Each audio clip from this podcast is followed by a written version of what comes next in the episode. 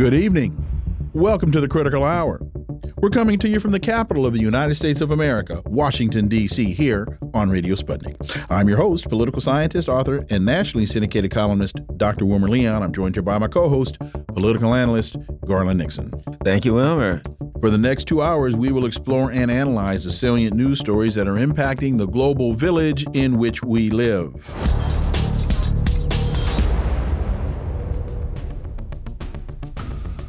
Eastern European NATO countries fear peace talks between Ukraine and Russia. Poland and the Baltic states are worried growing opposition to the proxy war inside the U.S. could lead to negotiations. Why are they concerned about peace? Well, for insight into this, let's turn to our first guest. He's a Moscow based international relations and security analyst, Mark Sleboda. As always, Mark, welcome back. Dr. Leon Garland, thanks for having me. It's always an honor and a pleasure to be on the critical hour. So, NATO members that border Russia and Belarus are afraid that growing opposition to the proxy war in Ukraine inside the U.S. will put pressure on the Ukrainians to pursue peace talks with Russian President Putin. While the Biden administration's stated policy is to back Ukraine for as long as it takes, and the majority of Congress will support the proxy war, there is still a fatigue among Americans. A recent poll from CNN found that 55% of Americans are against Congress authorizing more spending on the conflict. Who would think that that would make sense? Mark Sleboda, why are NATO members that border Russia and Belarus afraid of peace? Okay, so first of all, it has to be said that this general title, you know, Eastern European countries, well, not all Eastern European countries, because for instance, Hungary, uh, which borders uh, Ukraine, um, has been against this conflict from the beginning, has been against NATO arming the conflict, and has called for peace and negotiations from from the get go, and that position has not changed uh, over the course of the conflict. So uh, it certainly doesn't apply to all countries. Um, for those that it does uh, apply to, um, you know, when the Russian intervention in the Ukrainian civil conflict began, these Eastern European countries, part of NATO, had nothing to fear from Russia. They knew that. That's why their defense spending, spending was so low, often not even meeting NATO's 2% standings, whatever their domestic political rhetoric was.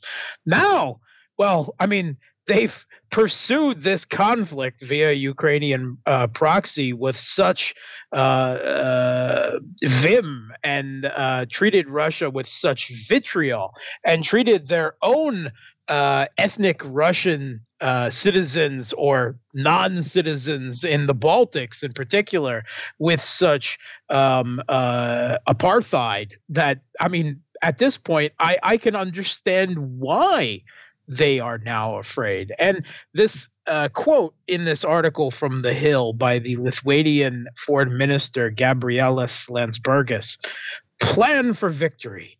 They need to win. They need to win for us.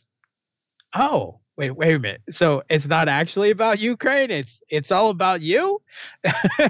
it's it's you who need a victory over Russia. Yeah, they fear any negotiations uh, on anything. Uh, uh, on any conditions that aren't a complete defeat of Russia, regime change in Russia, these these neocon fantasies so far removed from reality, you know, they they might as well uh, you know exist in in in another Stephen Hawking's universe or or, or something. Um, it it is not not doing them any good. It's certainly not doing the Ukrainians uh, people any good. Um, and it's uh, not doing anything uh, to uh, stabilize the region. Um, it will continue instability in the re- region. There have been some handful of sane voices uh, in Europe uh, that noted, you know, as Russia did before the conflict, that there can be no peace and stability in Europe as long as you are exiling the largest country out of Europe and making an enemy out of them. Until there's security for everyone, there is security for no one. And this is certainly coming home to these these particular East Ukrainian uh, or East European countries that are pushing Ukraine on in this conflict in front of them. Well, and here's the other part. It's awful easy to take that position when you're sitting on the sideline. You got no bullets falling, you got no bombs falling. Ukraine is literally, there was a guy that was interviewed, 71 years old. They're going to put this guy on the front lines and he's going to live 71 seconds. He'll be ripped to shreds. So these countries, Poland, Latvia, they're sitting on the side looking at the Ukrainians, you know, just throwing them into the meat grinder, saying, "Yeah, go get them, Ukraine," and nobody's going to stop Ukraine. Yeah, you got them where you want to now. Throw them some more punches. You're sitting on the side, just throwing these people to the dogs. And I mean, unfortunately, uh, you know, this is the way it is. But I'll say this: if I'm Ukraine, with friends like that, who needs enemies? Mark. Yeah, I mean, you're you're you specifically mentioned this 71 uh, year old. The Kiev regime is so hard up for manpower at this point, and so many people are trying to avoid being forcibly conscripted uh, that they are removing uh, restrictions on those with mental disabilities uh, uh for you know that prevented them from being conscripted. They're removing uh, the restrictions uh, for many serious diseases like HIV and hepatitis. They're they're now fit cannon fodder to be in the trenches with everyone else. Um, and yes, uh, the Kiev regime has actually, according to the German media, sent a 71 year old to uh, uh, Germany to be trained by NATO forces uh, to be sent into this conflict. Um, you know, if you get much older, you might get a veteran of World War II. But I mean, but but here's the thing. Here's here's the thing about about him, uh, Mark. That's not being reported. He's in great shape. You'd only think he was seventy. I well, you know, I I'm, not going to knock that. I mean, uh, I I'm not fighting. I'm not I'm not being trained. Thank God, and being shoved into this conflict. But another issue that's come up is that there are some six hundred and fifty thousand uh, Ukrainian male refugees in EU countries of military age, if you count military age from 18 to 64. Mm-hmm. Um, 650,000 of them. And the, the uh, Zelensky regime, Zelensky is screaming for the EU to round these people up and deport them and send them back to Ukraine so that the regime can funnel them into the meat grinder. But what happened? Um, but wait a minute. What happened to the whole campaign when the United States started this foolishness that we had to embrace these refugees, that we had to absorb these refugees into our communities because they're just poor, tortured souls, and we have to do everything we can do to to support them. Well, first of all, that was true before the massive attrition has oh. resulted in, in, into the Kiev regime uh, having no other manpower uh, to call on oh. after the failure, the bloody failure of their offensive. Oh, Second bad. of all, right now it's still only the men, right? And men, it was illegal for Ukrainian men of military age to leave the country over the since Russia started their intervention in the Ukrainian civil conflict, the country became one big concentration camp for their own male population, so that they could be, when needed, thrown into the meat grinder. Now, evidently, some 650,000 of them uh, got away to the EU alone uh, through bribery and and other methods. Uh, now the Kiev regime wants them back, and it turns out actually the the country with the largest amount of refugees from Ukraine is actually Russia.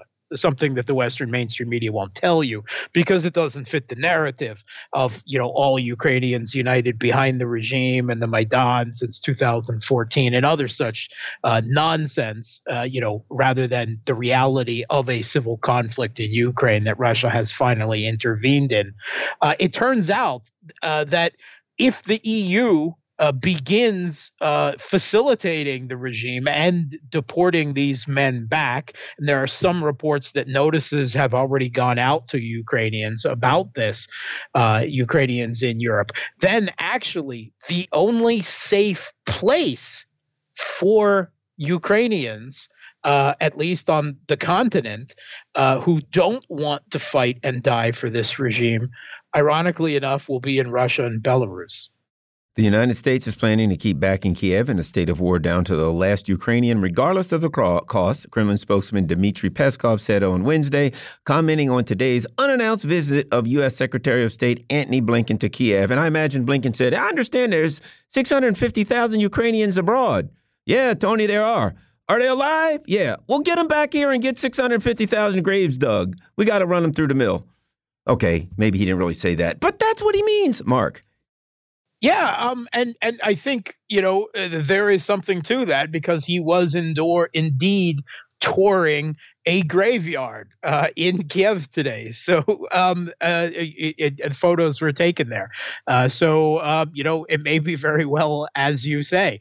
Um, Antony uh, Blinken, you know this is his fourth trip uh, to Ukraine since the conflict began, and they're making a big deal out of this show of support. Like Blinken is some kind of uh, cheerleader for sending these guys to their deaths in the minefields and trenches of, of southern Ukraine uh, that he's staying for the night this time. He's not just jetting in and out in a few hours, right? To to he now he's uh, really showing support because he's staying tonight, and I'm sure all the Ukrainians, you know, uh, being sent to their deaths tonight in Zaporozhye against Russia's defensive lines are really really grateful that Blinken is is staying in the country with them tonight.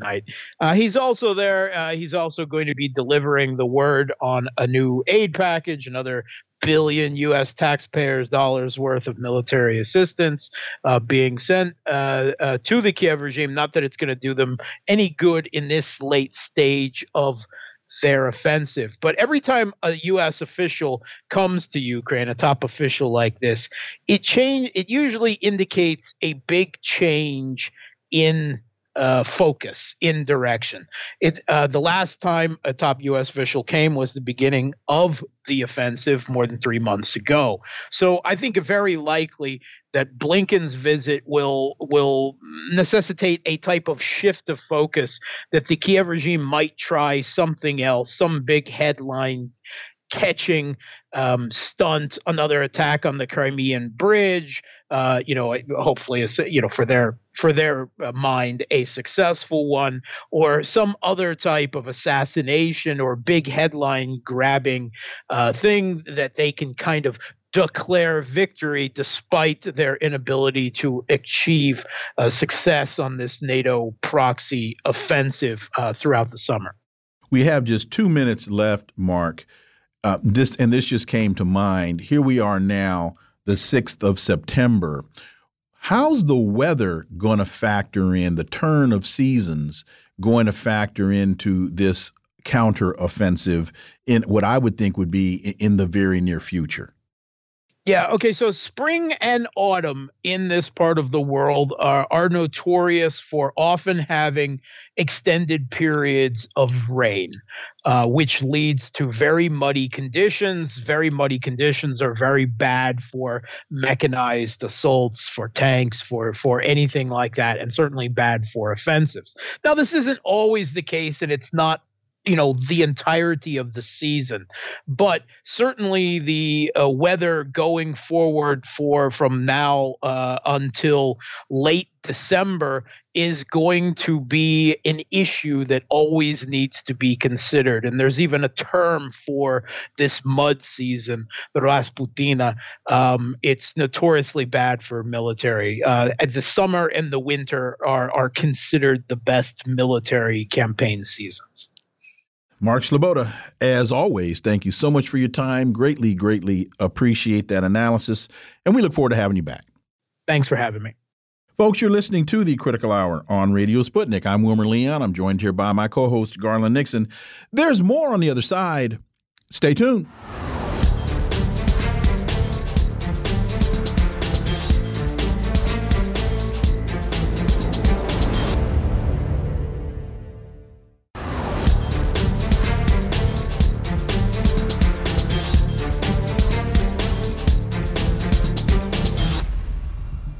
We are back, and you're listening to the Critical Hour on Radio Sputnik. I'm Wilmer Leon, joined here by my co host, Garland Nixon. Thank you, Wilmer. Sputnik International reports UK confirms Challenger 2 tank's destruction, says not planning to send replacement. Yesterday, Vladimir Rogov, a senior official of the Zaporozhye Regional Administration, said that a UK Challenger 2 battle tank had been destroyed in combat between the Russian and Ukrainian forces in the Zaporozhye region, adding that the incident is believed to be the first in the model's nearly 30 years of being in service. For insight into this, let's turn to our next guest. He's a writer, journalist, and host of the YouTube program, The New Atlas, Brian Berletic. As always, Brian, welcome back. Thank you so much for having me back. Quote, I can confirm that this is correct. It may be the first loss as far as we are aware. When asked if London will send a replacement, the minister answered in the negative. A couple of things. When I read this, Brian, 30 years of being in service, I just wondered being in service where? Because, you know, they haven't, to my knowledge, been in a whole lot, been in a whole lot of fights. And they're not sending any replacements. And this was supposed to be the next iteration of the Wonder Weapon that was supposed to turn this whole thing around in favor of Ukraine. Brian Berletic. In, indeed, and the the myth of the Challenger 2's invincibility was carefully crafted by the UK Ministry of Defense by carefully deploying it to conflicts where it, it really didn't face that much of a danger, and also careful uh, narration management because, as a matter of fact, two Challenger 2 tanks were seriously damaged in Iraq. The armor was pierced, there were injuries, serious injuries, and this information was covered up. And it was only later revealed uh, in the media. And now we have the Challenger 2 tank in Ukraine. It is fighting Russian forces, which are better equipped and better armed than the insurgents who were, were fighting British troops in Iraq. This was entirely predictable. As a matter of fact, I, am sure we were talking about this together mm-hmm. in, in, in previous conversations about how these Western main battle tanks were not going to make a difference, how they were very vulnerable, and how they would uh, burn just as easily as all the other tanks Ukraine had at the beginning of the special military operation. These new tanks are there to replace. Well, you know, Brian, and the thing about it is here's the reality. You know, any tank that you put out there, if it's hit with the right weapon in the right place, is going to blow. But the significance of this is, I think, also kind of metaphorical of the whole wonder weapons thing. You know, we're going to send M triple sevens. Oh, we're going to send Patriots. You know, every other month there was a new wonder weapon that they were going to send to Ukraine, and this time, this one was going to turn the channel. Oh, you know, was going to, you know, turn the turn the, uh, the the war in another direction. Oh man, they got Challenger tanks. The Russians are going down this time, and it just goes to show that it's farcical. This is more about public relations than anything. And it's bad PR because the countries that would have bought you know, Challenger tanks or Patriot missiles or whatever the case may be are going to watch them getting blown up and say, "Yeah, I think maybe I'll buy an old T-72 or something." Brian. Absolutely. It, it speaks to the desperation of the West and its foreign policy regarding this proxy war that they're waging against Russia in Ukraine. They only sent 14 Challenger 2 tanks. So even if it was a wonder weapon, what what can only 14 tanks achieve on the battlefield? And the answer is not much. But as it turns out, they are not wonder weapons. As you rightly said, uh, any tank, if it's hit in the right place by the right weapon, uh, it will be destroyed. And Russia has a lot of different kinds of weapons and have a lot of different ways to hit a Challenger 2. So it, it, was doomed from the very beginning. This whole idea of using wonder weapons to win a war while ignoring the fundamentals that actually are required to win a war. This is this is why we see this consistent pattern of failure. Brian, I, I have to push back on you uh, because the the Leopard, the Challenger 2 is a wonder weapon because we sat here and wondered why were they sending this thing there in the first place? Um, that's, a, that's, a, very good point. I concede. well, there we go. Uh, we can claim victory today. Um, switching to another part of the world, U.S. intention. This is from the Global Times. U.S. intention to turn Taiwan Island into powder keg laid bare in military drills. Citing sources from the U.S., Japanese media on Sunday reported that troops from Taiwan Island last month attended military exercises led by the U.S. National Guard in Michigan.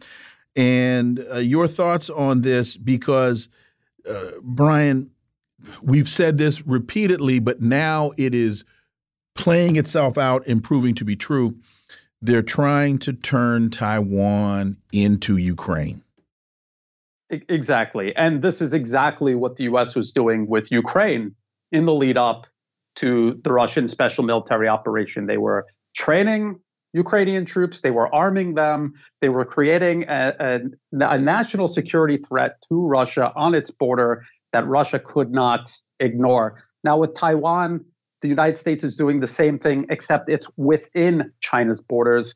Uh, Taiwan is internationally recognized as part of China's uh, under international law. The UN recognizes it as an island province of uh, China.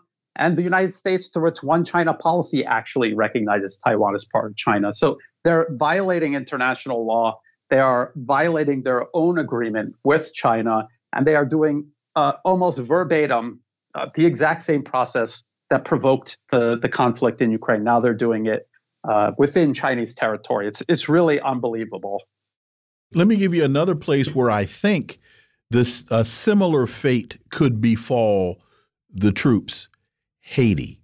They are using Kenyan troops and they are using Rwandan troops in the same manner that they're only difference about is ECOWAS. They want to use ECOWAS troops as proxies in Africa. Well, yes, well, but yeah, but I haven't gotten there yet. I'm, okay. I'm, oh. I'm, I'm, I'm, still on the shores of Haiti. I just landed on the shores of Haiti. You're trying to already get me back to anyway. Uh, they're using mercenaries to go into Haiti and fight their fight. And I don't think they. I, I just want to make the point. I, we don't have to get into a whole lot of discussion about it, Brian, unless you've got some insight. I don't think that those Kenyan and uh, Rwandan troops are going to fare well when they get on the shores of Haiti. I'm just using that as another example of the United States finding other human beings as its cannon uh, fodder. The Kurds in ISIS in Syria. Brian. Brian Berletic. Yeah, yes, absolutely. And this is a, a symptom of an empire in decline. This is what the Roman Empire resorted to when its own military It was incapable of managing its empire. They recruited mercenaries and auxiliaries. And uh, eventually, they found these these people were not as willing to fight. Their motivations were were mixed and questionable. Uh, some of these groups ended up turning on the Roman Empire, and I think we're watching the same thing happen uh, in in recent history to the United States with all of its proxies. And, and one question you have to ask yourself, especially regarding Taiwan, have these people learned absolutely nothing from history that that didn't just unfold. It is still unfolding. The the horrors of what is happening in ukraine is daily headlines. That they learn nothing from that. And that takes us to the next uh, that uh, uh, uh, story, which is Japan's proposed $53 billion mi military budget aims to shape country into U.S. proxy. So now, not just Taiwan. So they're saying, hey, we want to fight uh, uh, China to the last Taiwanese, to the last South Korean, to the last Filipino, to the last uh, uh, uh, uh Japanese. They're saying, hey, all of you schmucks in Asia, you see Ukraine? Yeah, that's your fate. You all do it. Brian. Yes, and and then people must ask themselves why. Why is the Japanese government agreeing to do this? And the answer is simple. Japan, uh, like the Philippines in many ways, uh, it is a it is a politically captured country. The the government is a product of Washington's interference in the country. The U.S. literally militarily occupies Japan and uh, they are going to shape Japanese foreign policy to suit Washington at the expense of Japan. And what many people might not even realize is that China is Japan's largest trade partner. So they are adopting a hostile posture militarily against their largest trade partner. Does that sound like it's in the best interest of the, the actual Japanese people rather than in the best interest of Washington? The answer is no, clearly. Japan exists as a nation politically captured by Washington, and Tokyo's foreign policy, to a large degree, is driven by American interests, says this incredibly brilliant analyst. Oh, Brian Berletic, you said that. Yes. Uh, yes, but, and, and, and, wait, wait, a minute. And, and, to that point, of this uh, fifty-three billion dollars that it, that's supposed to be China's defense budget, I'm asking this because I don't know. Is any of that money actually coming from the United States so that Japan can buy American weapons? Because we were reporting either earlier in the week or last week that some of this money that's going to these countries is coming out of the State Department. That I'm not sure of, but that that does happen with other countries. Right. So that that is something that that could be possible. But at the end of the day, it's either the American taxpayers or the Japanese taxpayers uh, expending money that, that that could be better used for their own interests being spent on Lockheed Martin F-35s, for example. That is one of the the high ticket items Japan is going to be buying as part of this military expansion. That that suits Lockheed Martin and really nobody else. Now, let me ask you this. There's another story, and I know it's of interest to you. Japanese government increases aid to local fishermen to 700 million amid China's seafood import ban. I'll put it to you like this. I don't want no sushi from Japan. I don't want any sushi from that area because it's probably self-cooking. You know, microwaves itself on the way there. Your thoughts on what's happening with the Japan dumping all of this radiated water into the sea, and of course, sensibly people saying, ah, perhaps I will lay off the Japanese seafood at this point and seafood food from that entire area. Uh, your thoughts? Exactly. We, we talked about this previously how Japan claimed that the, the water has been treated and filtered and it's perfectly safe. And yet, instead of using it domestically, they're dumping it into the ocean, which is highly suspicious. And uh, I, I looked into this further since then. Uh, I was looking at the International Atomic Energy Agency's website claiming that everything meets international standards regarding Japan dumping this wastewater into the ocean. They cited technical reports, which they hoped no one clicked on and actually looked at, because on the very first page, it's uh, indicated that these reports were funded by the US government. So J- Japan, by choosing this path backed by the US, has now forfeited uh, doing business with its largest trade partner, China, has hurt its seafood industry. And now the government is going to have to subsidize it because rightfully people are, are afraid of these products, and they should be because the same people who are responsible for the Fukushima disaster, the, the incompetence that led to it, are now the ones supposedly cleaning it up. And, and so nobody trusts them and nobody should. And to get back to a point that we were just making a little earlier, uh, counter information. China warns neighbors against repeat of Ukraine tragedy in Southeast Asia. Ch uh, Chinese Foreign Minister Wang Yi says uh, Southeast Asian countries must be cautious about being used as geopolitical pawns by foreign players sowing discord in the region for their own gain. Brian. Yes, this is this is actually something that I'm I'm very happy to hear at least somebody saying openly. This is something that I've tried to raise awareness of for many years. US interference in Southeast Asia and specifically to transform the region into a, a an anti-China battering ram. I, again, just like Ukraine. And uh, this is unfolding in every single country. If the United States cannot convince the government to pursue anti China policies, they back opposition groups that will try to harm that nation's relationship with China. So uh, the opposition here in Thailand had been opposed to the, the Thai Chinese high speed rail. They went up and down the route, which is under construction, convincing villagers to lodge legal complaints to try to slow down construction. And so this, this is a, an extensive process U.S. is deeply invested in. And just as they've done in Ukraine, there is the potential for the whole region to, to forfeit its future in the near and even long term uh, by uh, going down the very same path that Ukraine has. Brian Berletic, as always, thank you so much for your time. Greatly, greatly appreciate that analysis. And we look forward to having you back. Thank you. Folks, you're listening to the Critical Hour on Radio Sputnik. I'm Wilmer Leon. I'm joined here by my co host, Garland Nixon. There's more on the other side. Stay tuned.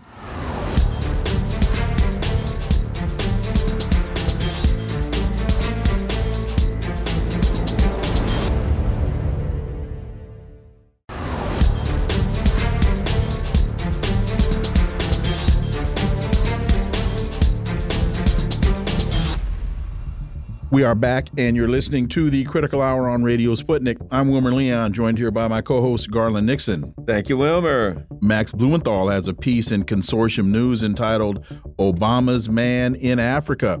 The ouster of the hopelessly corrupt Ali Bongo represents a particularly sharp rebuke of Obama, who groomed the Gabonese autocrat as one of his closest allies on the continent. For insight into this, let's turn to our next guest. She's a member of the Black Alliance for Peace and Horn of Africa Pan Africans for Liberation and Solidarity. Yolian Ogbu, as always, welcome back. Thanks, y'all, for having me. Happy to be here. So, uh, Blumenthal continues when a military junta arrested President Ali Bongo Ondimba on the 30th of August, Gabon became the ninth African nation to depose its government through a military coup. Bongo's arrest was met with indignant condemnations from Washington and Paris, which had propped him up as he pillaged his country's vast oil wealth. Uh, his ouster represented a particularly sharp rebuke of President Obama, who groomed the Gabonese autocrat as one of his closest allies on the continent and learned and leaned on him for diplomatic support as he waged war on Libya. Yolian, your thoughts because there aren't many that are connecting uh, the Obama administration and Barack Obama and his State Department uh, to Ali Bongo. Yeah, it's interesting because the deposed president, Ali Bongo, and his family have long been accused of exploiting Gabon's oil richness for their own profits at the expense of the Gabonese people, starting with Ali Bongo's father, who ruled the country from 1967 to 2009. What's so interesting about this is Gabon has been ruled for 56 years by the same family, the exact same regime. And I believe that they're one of two like monarchical republics in Africa that's been ruled by the same family for over 56 years. And if you think about that, that's the equivalency of like nine presidents, of nine US presidents up until. So I, I find that funny because um, President Obama was like kind of talked about the violations of, this, of the hallmark values of the EU and the United States as it relates to preserving and protecting democracies, right? Using um, Ali Bongo, uh, Ali Bongo as a way to support another coup um, in Libya.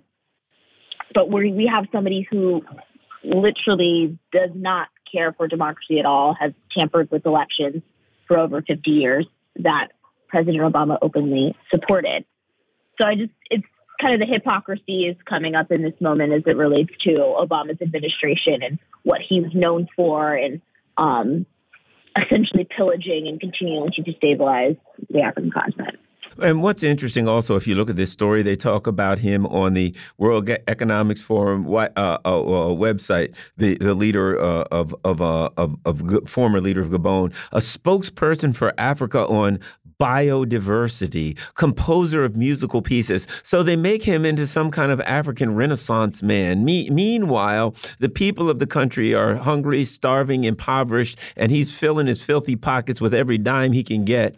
It just shows the reality of colonial Europe and colonialism, where they created the illusion that some of these countries were independent, when in fact they were just still, you know, pilfering every dime they had and impoverishing and oppressing the people.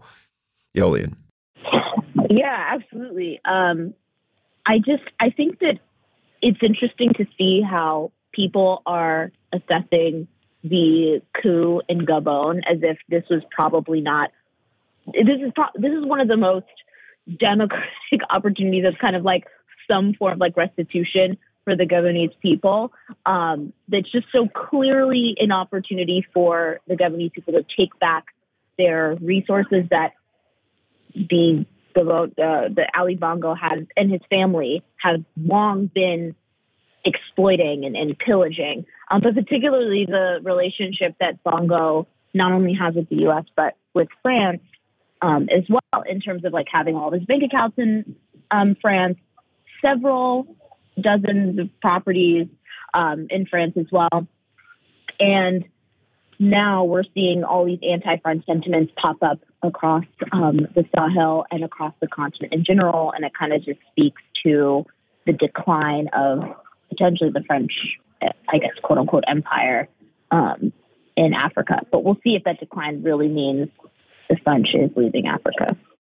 Anya Parampil in Consortium News writes a quote unquote desperate Nuland in Africa. A South African official met an unprepared and desperate Victoria Nuland begging for local help, rolling back the popular coup in Niger. The recent BRICS conference might give Nuland even more to fret about. Uh, your thoughts about this one? Because um, you know, I, I'm I'm I'm certain that Victoria Nuland went to uh, South Africa not prepared to listen, but prepared to talk. And what she was shocked when she and when she went to Niger, she was shocked to find out, no, we're not going to let you come in here and meet with whoever you think you want to meet with. It's not going to work like that. Go, don't go away mad. Just go away. Right, exactly. But right now we're seeing like not only anti-French sentiment, but just anti-U.S. sentiment across um, the continent that has been brewing for decades, but has, I think, finally been able to reach above um, the surface. But I, I think with Nuland and I think with the Washington in general, that yes, they are seeming to act desperate, but I, I think this is just a ploy for, you know, allowing the decline of the French and French interests and impact in that area of the continent. And while someone like Nuland is coming in and trying to do, you know, go through the same avenues and processes that the U.S. does, which really isn't a process, it's just a form of bullying um, across the global south. I think we're seeing this weird level of desperation coming from Washington um, and the scrambling to kind of act and not to act because there's this need to let Europe kind of deal with that mess. And then at the end, kind of allow the US can swoop in and figure out ways to um, still maintain their hegemony. And I think that this this um, we're seeing this this level of engagement with Europe, with the EU versus the U.S. for a long time.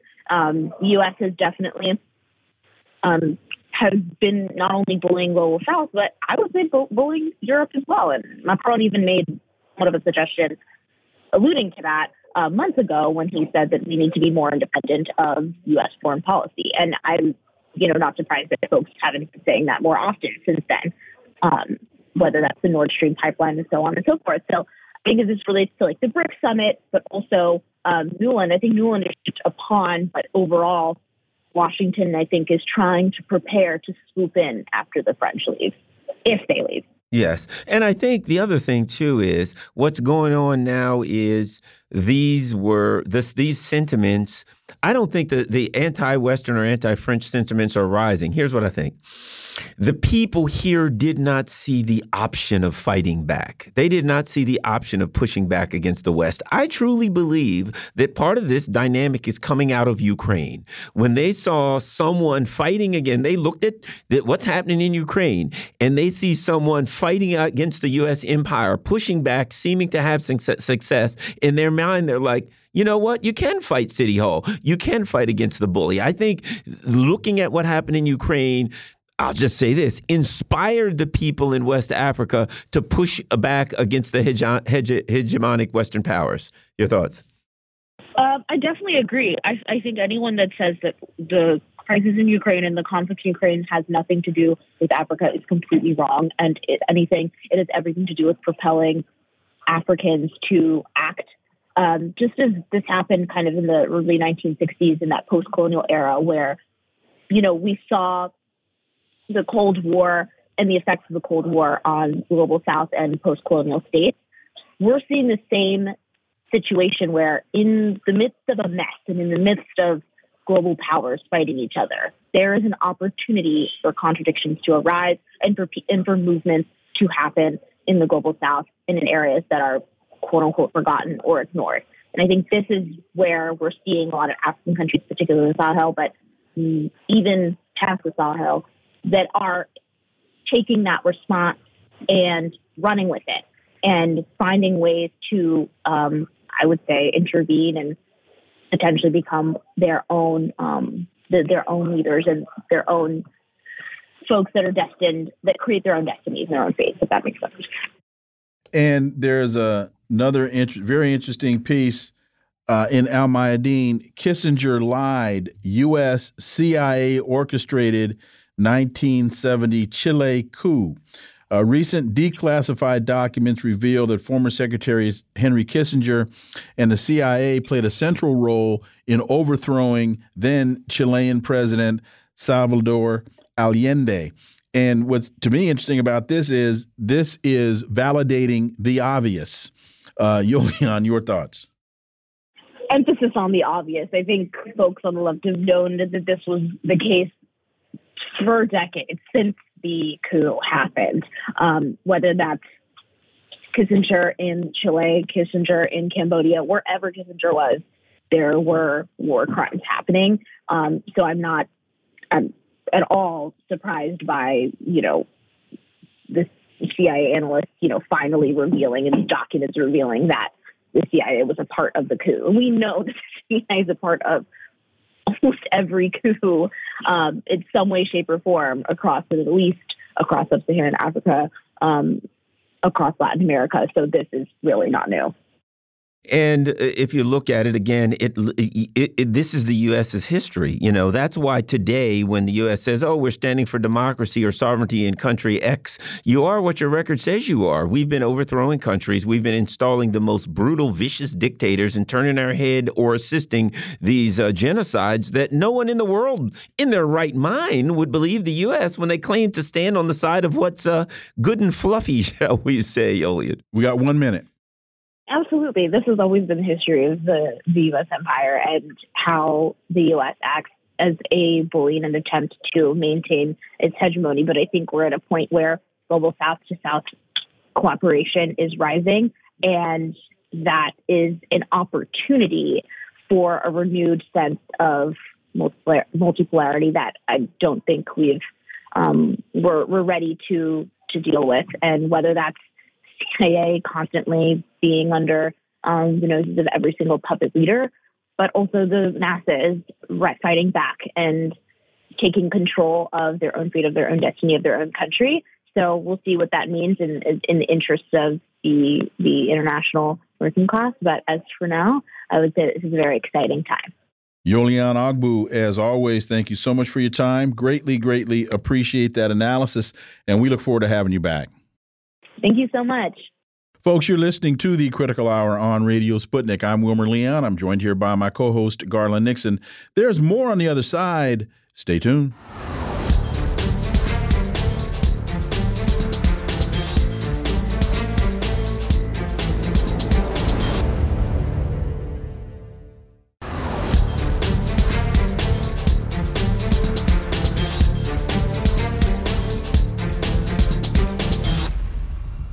We are back, and you're listening to the Critical Hour on Radio Sputnik. I'm Wilmer Leon, joined here by my co host, Garland Nixon. Thank you, Wilmer. RT reports China plans to mediate Niger crisis. Beijing will play this role with total respect for other regional countries, according to Jiang Feng, uh, a Chinese ambassador, has said the Chinese government has announced its intention to facilitate a peaceful resolution to the crisis following the coup in July. For insight into this, let's turn to our next guest. He's an author and two time Pulitzer Prize finalist and a Knight Fellowship recipient with more than 20 years of journalistic experience. He's a former Washington bureau chief and award winning foreign correspondent on two continents. Jon Jeter, as always, welcome back. Thank you for having me. So Fang said stated that while China stands with Nigerians amid the political situation, it remains committed to its principle of non-interference in the international affairs of other countries. Jon, I can only imagine that the State Department and the Biden administration are quaking in their boots if China plans to enter into this conflict because for as much as I could see the result working out in the best interest of the Nigerians, that won't work out in the best interest of France, which means it won't work out in the best interest of the United States. Jon Jeter. Yes, yes, no, I agree completely. Uh, Fran uh, China, as we know, uh, appears to have the Midas touch when it comes to international diplomacy. Uh, they negotiated uh, a, a, a uh, detente between Saudi Arabia and Yemen, which no one thought was possible. Um, or was that Iran and Yemen? I can't remember. Iran. Now. It was uh, Iran and Yemen. Iran, Saudi yeah, Arabia. Right. Yeah. Yeah, uh, Iran and Saudi Arabia, right? Yeah. Right, and they actually negotiated that detente, which no one would have thought was possible before they did it. And so um, their interest in entrance into this uh, uh, uh, um, tension, the tension in, in Niger, uh, is is foreboding for the United States and the West. I have some questions that the article uh, uh, in RT did not answer, which is who is going to be at the table. They say regional players, so I imagine is that ECOWAS? Is that just the Sahel countries? Uh, is France going to be at the table? I wonder. In any event, I mean, it, it certainly seems like this is another nail in the coffin for the West as the colonizing power in Africa. Um, uh, and, and, again, I, you know, I would, I would um, submit that even their tone and their process strikes a stark contrast with the West. They say that they support the people. They have no intention of meddling in any other country's affairs. Uh, they're not threatening military intervention like ECOWAS is at the behest of France. They're not telling uh, uh, the, uh, the Nigerians what to do as Macron is in France. They're not threatening them as Victoria Nuland did uh, when she met with them. And so it just, you know, it just shows you how the geopolitical structure is really shifting to the east, to China and Russia, and and and the stars are starting to realign um, in a very bad way for the West. Jon, um, two things. Number one, since they've put, I've understand, over a trillion dollars in infrastructure in Africa, even the, a lot of the ECOWAS countries, when China calls and says, we'd like you to come to the table to talk with us, they got to come to the table and talk in the same way that they're the number one buyer of oil from Saudi Arabia and when and Iran. And when they said to Saudi Arabia and Iran, we need to talk, they got to come to the table. There's that dynamic. But Stephen Covey wrote a, a, great book called The Speed of Trust, in which he talked about trust. And he said, look, if you don't have trust, you'll never get a deal. But if you have trust, you can get a deal in minutes. So I think that's part of it. The people in Africa and around the world tend to have trust for the Chinese. Now, they got trust for the West. They trust them to rob them, steal them, and overthrow their country. But that's a whole different dynamic. Your thoughts, Jon? No, I think that's exactly right. And, and, and let me say, I was uh, in uh, living in Southern Africa, at least when the Chinese first really started to invest in Africa uh, in the early aughts. And uh, I don't remember who said this. Uh, uh, it was a woman who might have been with the African Union, but she talked about how the Chinese have struck the, the right tone. They don't they don't treat Africans as supplicants. They don't treat Africans as as as their employees. Uh, they treat Africans as equals. And she said that wasn't always the case. She said when they first came, they struck a tone that was similar to that of the West. She said, but they've learned from their mistakes and they've adjusted and they, you know, they are partners who we have. I can't remember her exact words, but something like they are partners who we have trust in. And she said that the United States and the West, they should learn from what the Chinese have done. I just think that's so profound, right? That that, that the Chinese um, are, are uh, what, what, the definition that uh, of the of the old um, Southern elite uh, who they used to be called the, Bur- the, the Bourbons, I guess, the Bourbons. I'm not sure how you pronounce it, but they they say that they um, uh, remember everything and and uh, learn from nothing, right? And that seems to be the West, right? We remember everything but learn from nothing. The Chinese seem to be just the opposite. They're learning how to be good partners, and it's working. It's definitely working. Switching gears to the domestic side, when you look at the rear, real clear politics polling, Trump at 52, DeSantis at 18, Haley at 7, Pence at 7, Ramaswamy at 6, and Scott at 3.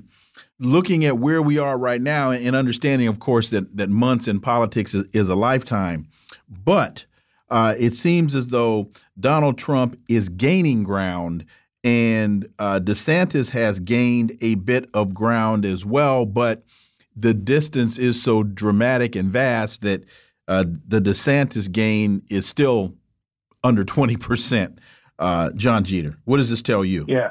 What what what is the what's the old trope that about politicians who can only lose if they get caught in bed with a live boy or a dead girl? I think Trump is in that position essentially, and frankly, the the scandals, the the the multiple prosecutions are only going to probably strengthen his hand. I would predict. Um, uh, so yeah, this is this is Trump's race to lose. I don't see him losing it, losing it, barring an act of God. Uh, and I think everyone else, uh, if I can if I can mix metaphors, I guess it's like Larry Bird walking in at the three point competition, the NBA three point competition, saying who's playing for second. I think Trump is pretty much saying who's playing for second. I, I don't know who that's going to be. You know, I think I think Trump could already start thinking about who's going to be his vice presidential presidential candidate, uh, uh, uh, vice presidential pick.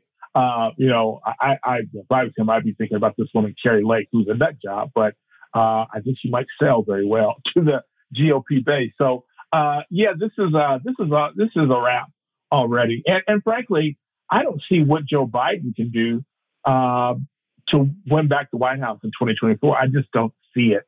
Uh, the stars are all aligning in favor of Trump.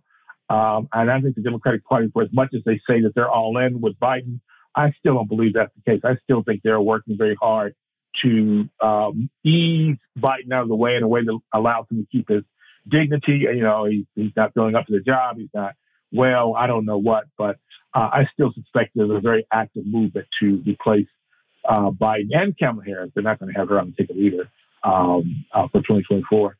Jon, uh, here's the thing also that is as as is obvious with you know whether it was the Iraq War, whatever the case, all of these imperial you know wars, all of these um, neocon machinations, they get less and less popular as this gets less and popular, less popular, and goes into really a bad territory, number one, as we've been reporting, it's quite possible and maybe even likely that we run into a um, into uh, some sort of recession, economic downturn.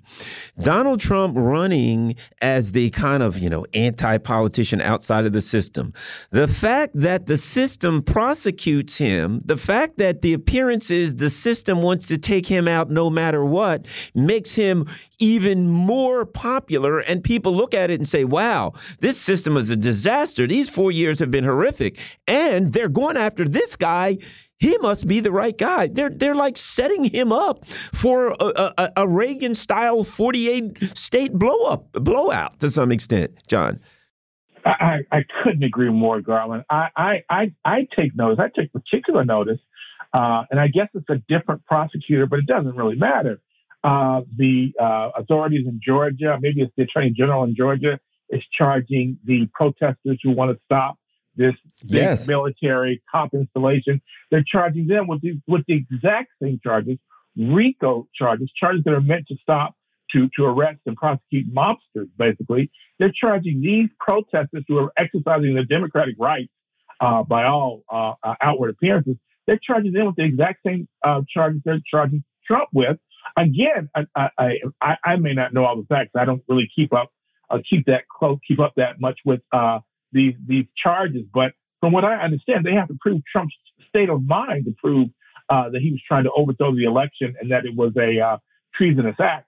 I, I, don't think they're going to be able to do that. So yeah, this is really starting to shape up uh, into a really uh, an inflection point for not just the Democratic Party but for American democracy. People don't believe in these institutions, and and frankly, it's not even that they believe in the Republicans, but their their their their suspension of disbelief. They have to suspend disbelief less with the Republican Party and Trump than with all of these other institutions, and it's just shaping up for uh, a really bad look and a really bad 2024 for the Democrats.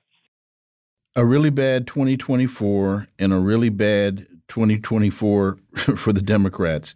Uh, to that point, Democratic elites struggle to get voters as excited about Biden as they are. And following to your point, Jon Jeter, when you listen to Biden talk, he talks in very uh, very flowery rhetoric.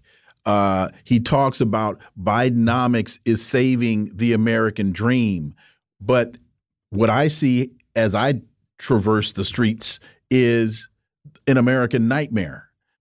He hasn't delivered. And that, I think, at the end of the day, is going to be his biggest problem. He hasn't delivered. Jon Jeter? I, I would take issue with your statement that he hasn't delivered. Wall Street is doing very well under Joe Biden, which of course is the problem. He has mm-hmm. not delivered for the people. And I think even the tone of that article in which the, the, the Democratic Party apparatchiks who are uh, struggling to come to terms with why the people don't understand all that Bidenomics has done for them and why don't they support him. They don't they don't seem to understand that's not democracy, right? If you're telling the people what to think, how to feel, that's not democracy. That is the antithesis of de- democracy. Democracy has come from the ground up. What you should be asking is, uh, uh, you know, what what is the nature of the people's complaints, and how can we address that? That's what the Democratic Party is doing. It's not about Joe Biden. It's about the Democratic will of the people. Uh, Joe Biden has not uh, responded to people's wants and needs uh, either the either the constituents of the Democratic Party or the American people writ large. He has been a vassal of Wall Street. Everyone knows this. Everyone sees this. There's just a narrow band, I think, of the electorate who are loyal to the Democratic Party, who despise Trump. Many of them, you know, very wealthy themselves, MSNBC contributors mostly, and people like that, uh, who don't want to see it, right? Who don't want to see the demo- the Biden. Nothing has materially changed on the ground for uh, the, the, the, the poorest people, the most oppressed people, working class people writ large in this country. And that's, that's just a fact, right? It, it's cognitive dissonance to pretend that, you know, uh, uh, the, the average American, the average Democratic voter, Democratic Party voter just doesn't see all the good things that Joe Biden has done for them. That's cog- that's the definition of cognitive dissonance. Frantz Fanon will look at that and say, yep, that's what I'm talking about. And as we get out uh, to your to your point, if the Democrats were really confident, then they would have debates during the primary process. They wouldn't be just trying to impose Joe Biden upon the electorate. Jon Jeter, as always, thank you so much for your time. Greatly, greatly appreciate that analysis, and we look forward to having you back. Thank you both. Folks, you're listening to the Critical Hour on Radio Sputnik. I'm Wilmer Leon. I'm joined here by my co host, Garland Nixon. There's another hour on the other side. Stay tuned.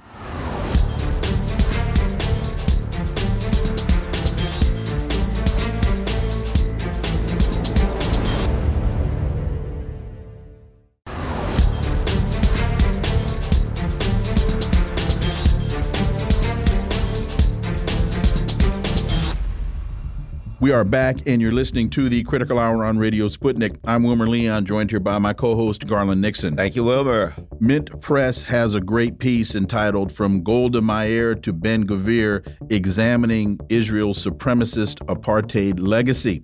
Remarks by Israel's Minister of National Security, Itamar Ben Gvir, saying his rights are superior to those of Arabs.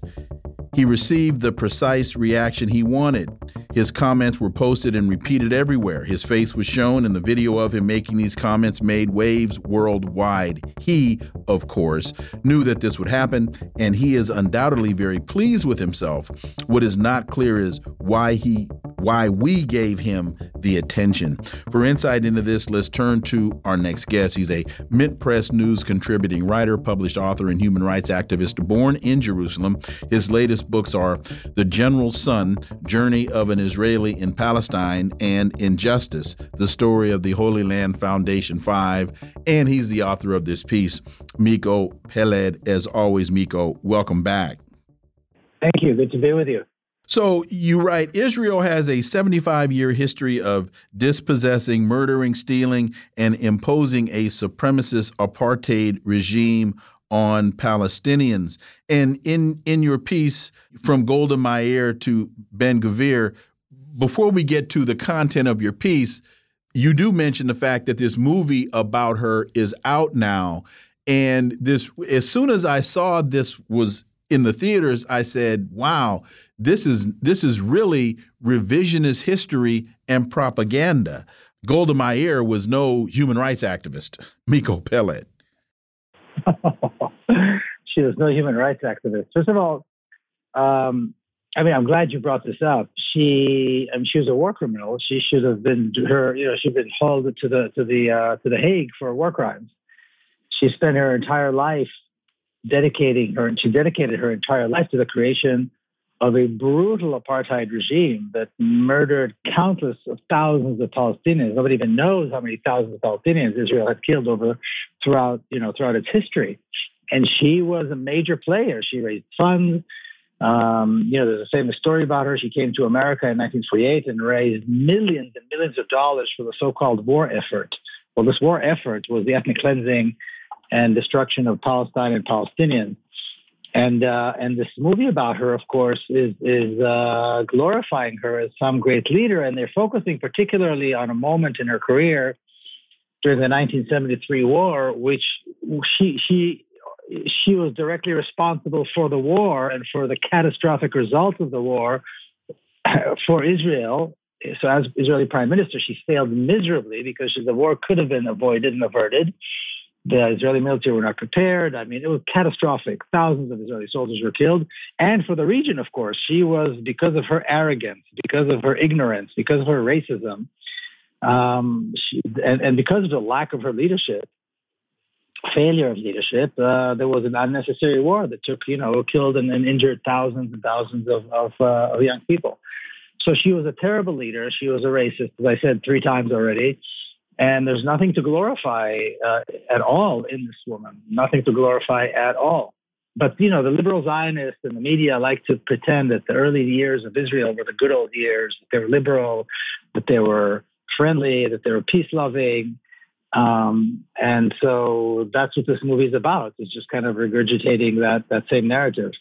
Well, and here's what's interesting: the, the, the Ben Gvir, you know, uh, statements um, saying that his wife, uh, his his rights and the rights of his family are are you know more important than the rights of of, of the Arabs. Now, uh, various groups in the U.S. referred to them as hateful and, quote, this is the one that kills me, harmful to Israel's image. Well, you know what? If I am a serial killer and somebody says, hey, that Garland Nixon's a serial killer, killer, well, I can argue that it is harmful to my image. But the way to fix that would be stop killing people. Uh, your thoughts, uh, Miko? Or smile a lot when you do it. You're right. I thought about that. That's an option. Well, well. By, by the way, Ben Gvir just came out with another video today in Hebrew where he uh, he says, not only am I not going to be apologetic about what I said, I'm going to reaffirm what I said and make sure all these weakling, uh, softy lefties, you know, understand that you know if they feel this way, they're basically traitors because this is our country and we have superior rights. And on and on and on, kind of repeating what he said. But the thing is this, you know, the, the, there's a tendency to um, to look at him with disgust and look at Golda Meir with admiration.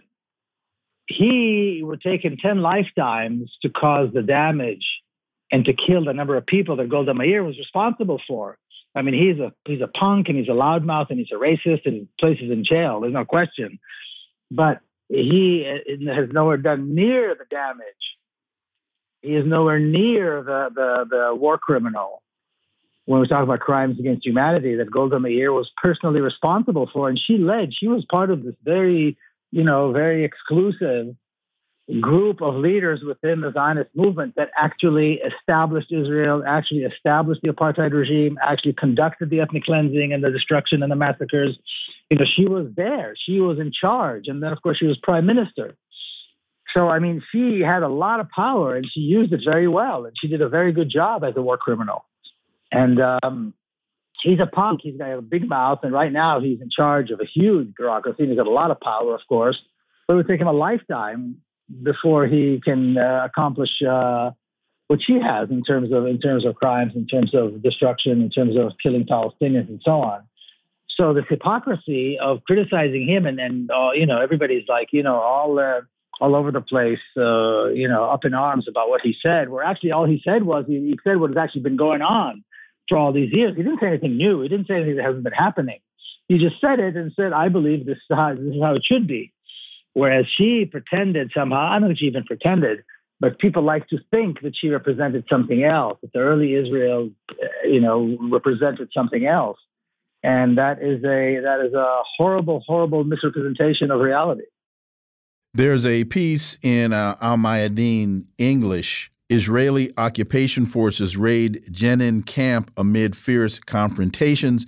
The Israeli occupation forces raid the refugee camp once again amid fierce confrontations that forced it to call for backup forces.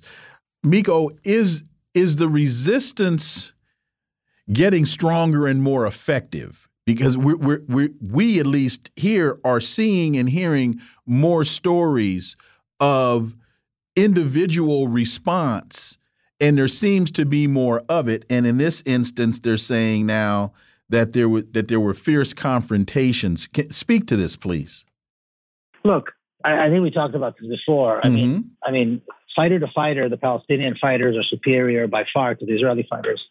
There's no question whatsoever about that. There's no doubt whatsoever, whether it's in Jenin, whether it's in Gaza, they have proven themselves to be far superior. For Israel to capture or to kill, you know, a small group of Palestinians, they need to bring brigades, thousands of soldiers, enormous uh, logistic support, air air support.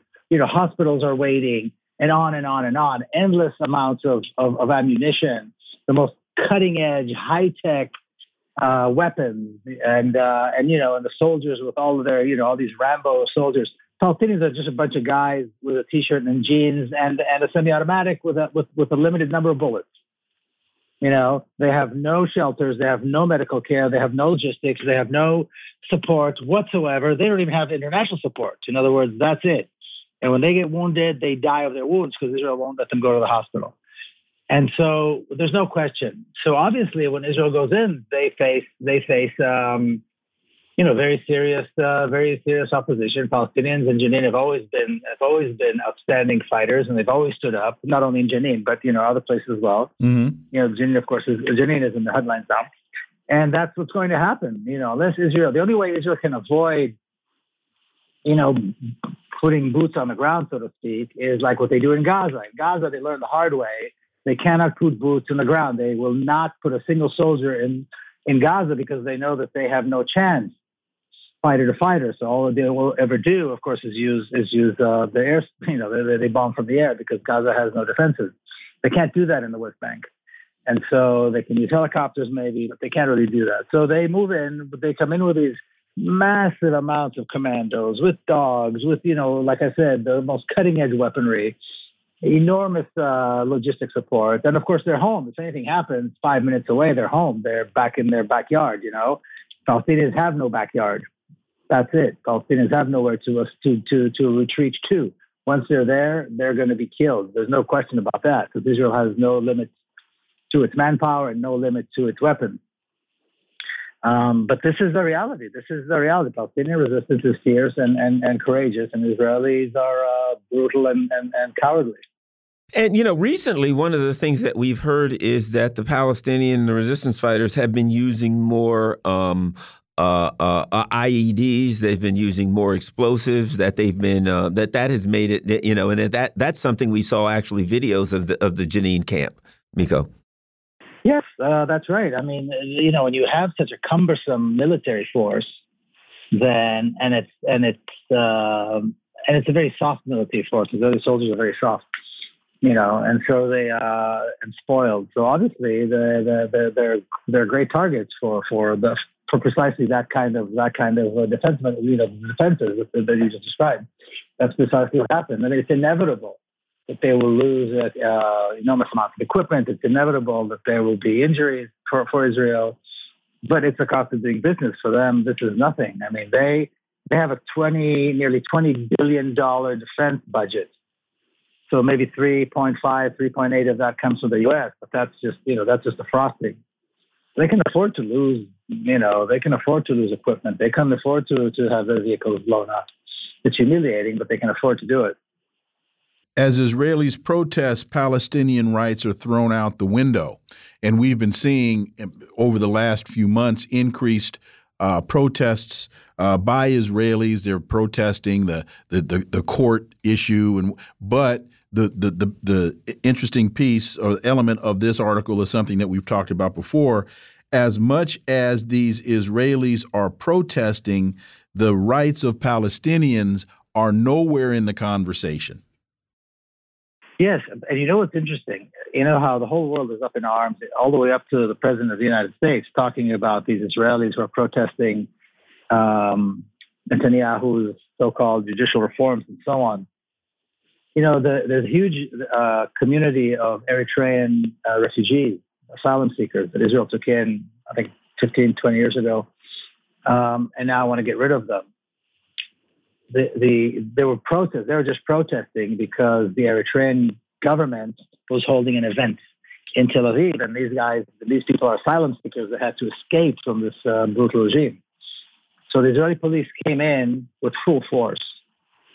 Now, the reason I bring it up is because when the white privileged Israelis are protesting, they get away with murder, nobody gets hurt, and the whole world is up in arms, including the President of the United States and the Secretary of State, and God knows who else.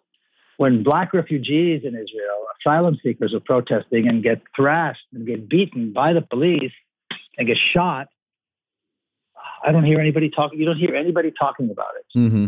You know, mm-hmm. and this has happened before. I mean, there have been many protests by different segments of Israeli society that were not the privileged ones.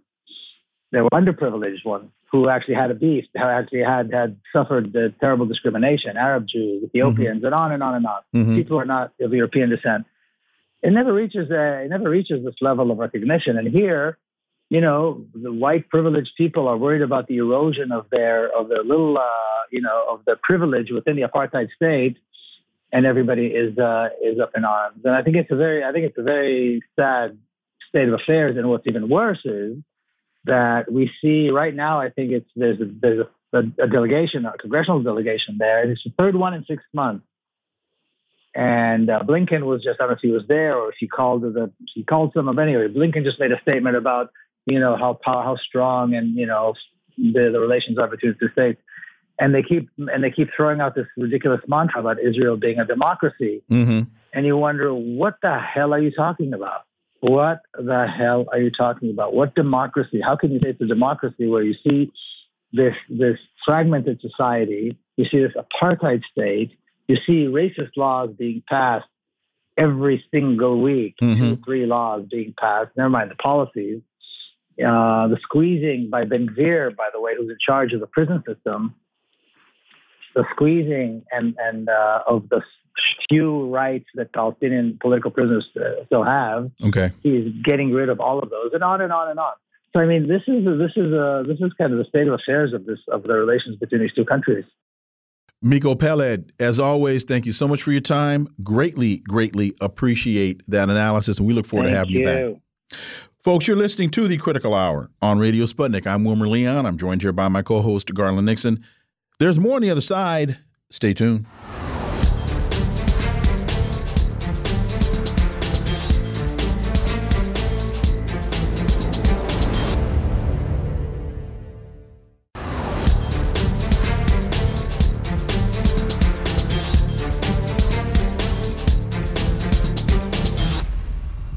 We are back, and you're listening to the Critical Hour on Radio Sputnik. I'm Wilmer Leon, joined here by my co host, Garland Nixon. Thank you, Wilmer.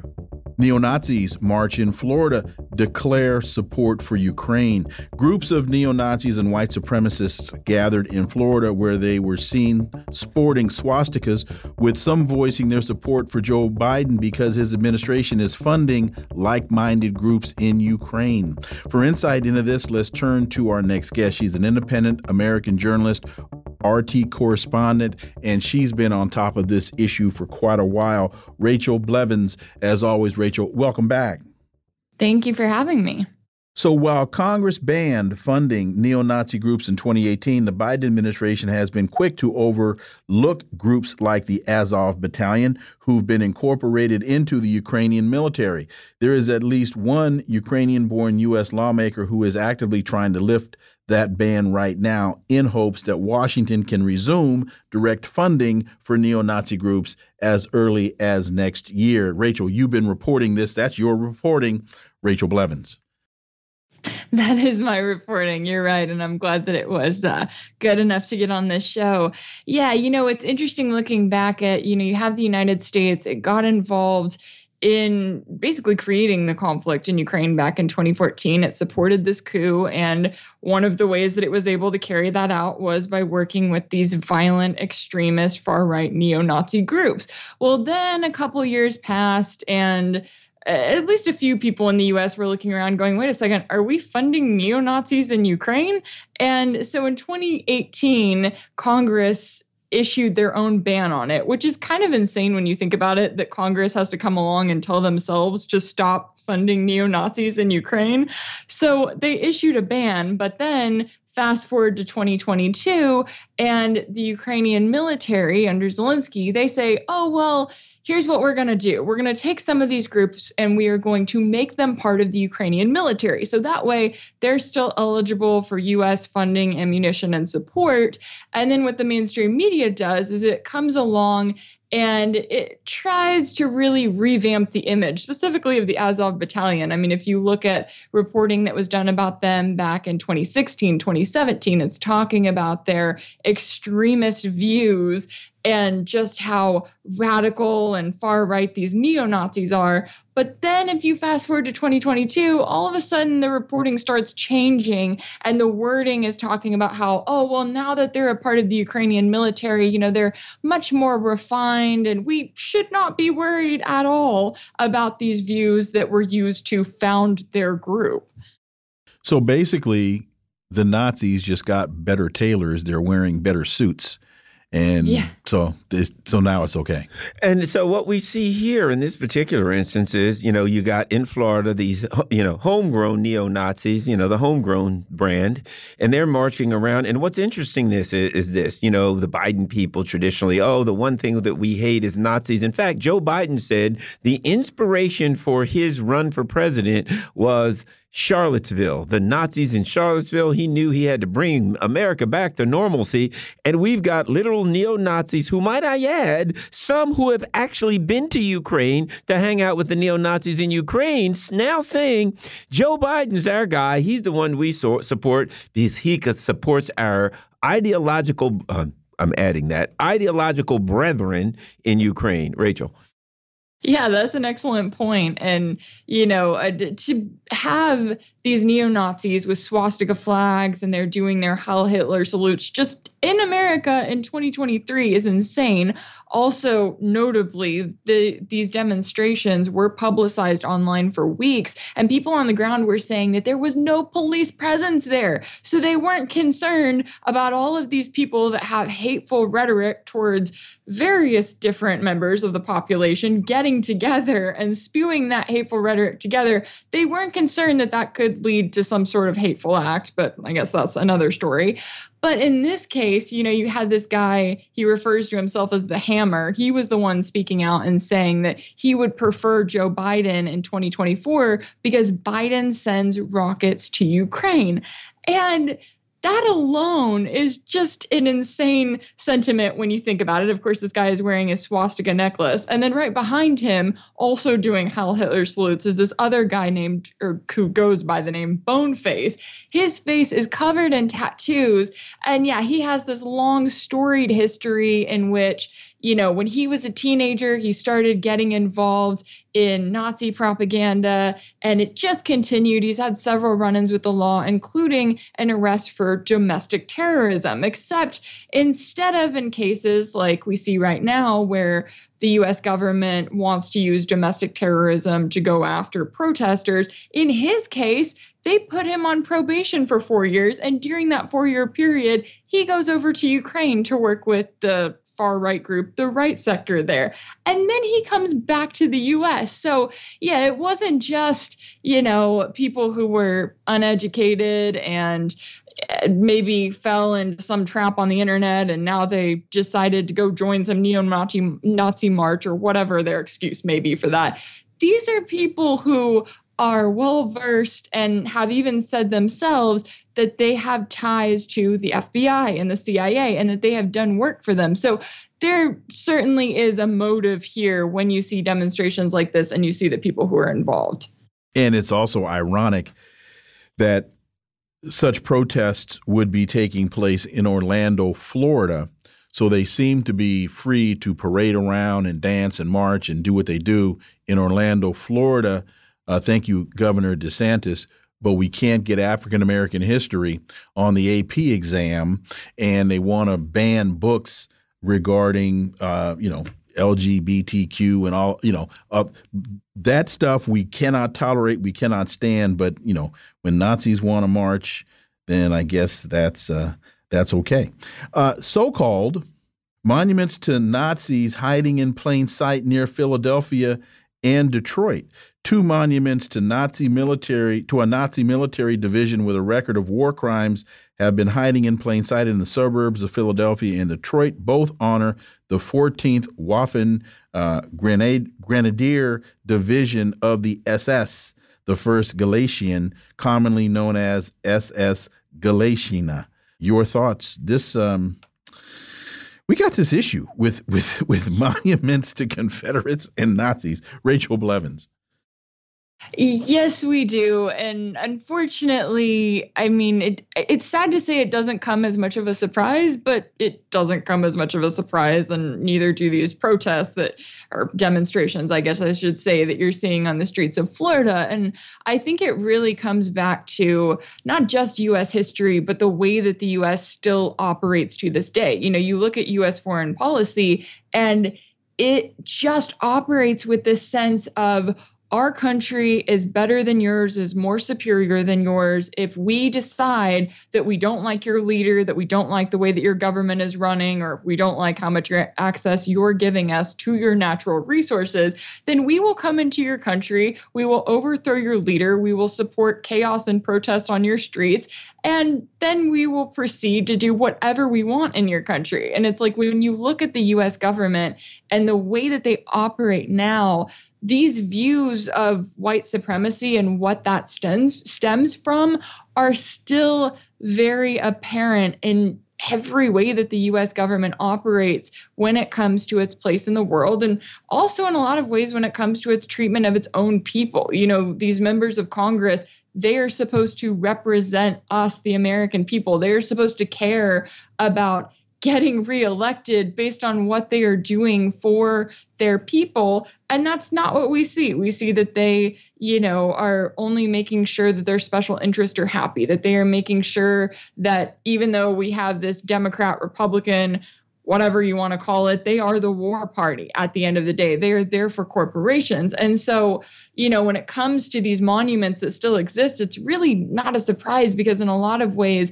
the United States has not moved past its history in those areas. And it still is using the same ideology, just applied in a different way today than it was several decades ago. In fact, I just want to quickly make the point you're absolutely right. But the founding document of this country, the U.S. Constitution, has white supremacy written into it. It's been the founding ideology of the colonies.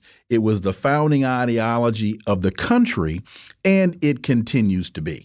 And the other thing about these monuments, you know, a lot of people wonder, well, how do the, since these neo Nazis aren't a majority in Ukraine, how do they have so much power? And the reason they have so much power is they don't get it from Ukraine; they get it from the U.S. After the after the uh, World War II, all of these Nazi collaborators that would have been hung had they stayed in the uh, Eastern Europe were brought to the U.S. They were brought to Canada. They were rehabilitated. They were inculcated in into the uh, military and and, the, and Brazil. It, right, exactly. The U.S. and the West rehabilitated all of these Nazis, and that's why today the legacies of the Nazi rehab program and, and program and Operation Paperclip are rampant, and these these memorials are just simply the the the the, the legacy of that stuff, Rachel.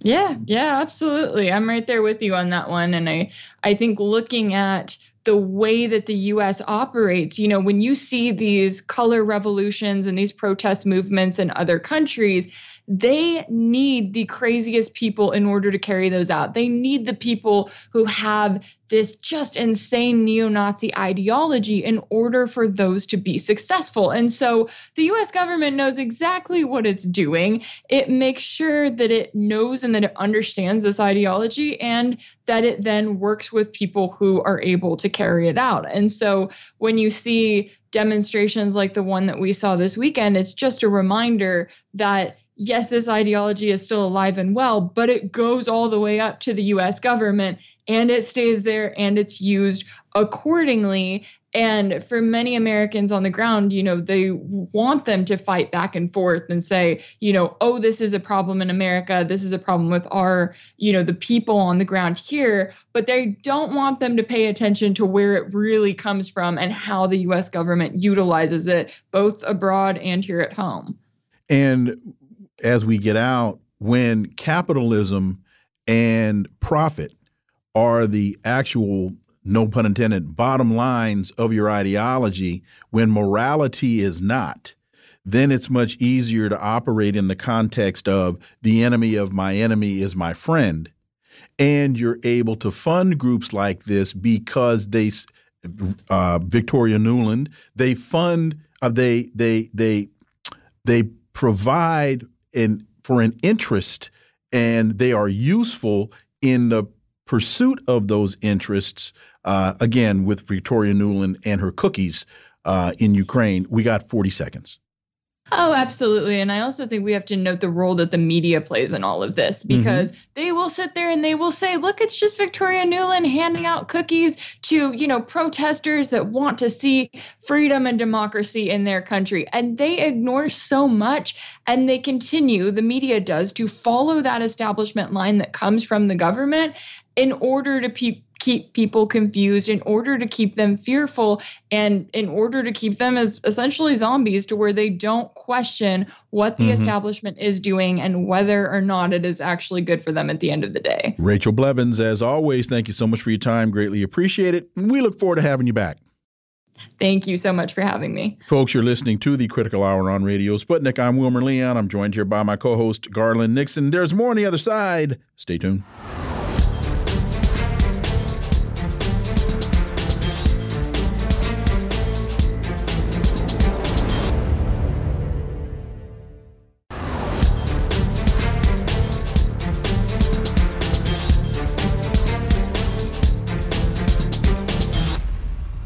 We are back, and you're listening to the Critical Hour on Radio Sputnik. I'm Wilmer Leon, joined here by my co host, Garland Nixon. Thank you, Wilmer.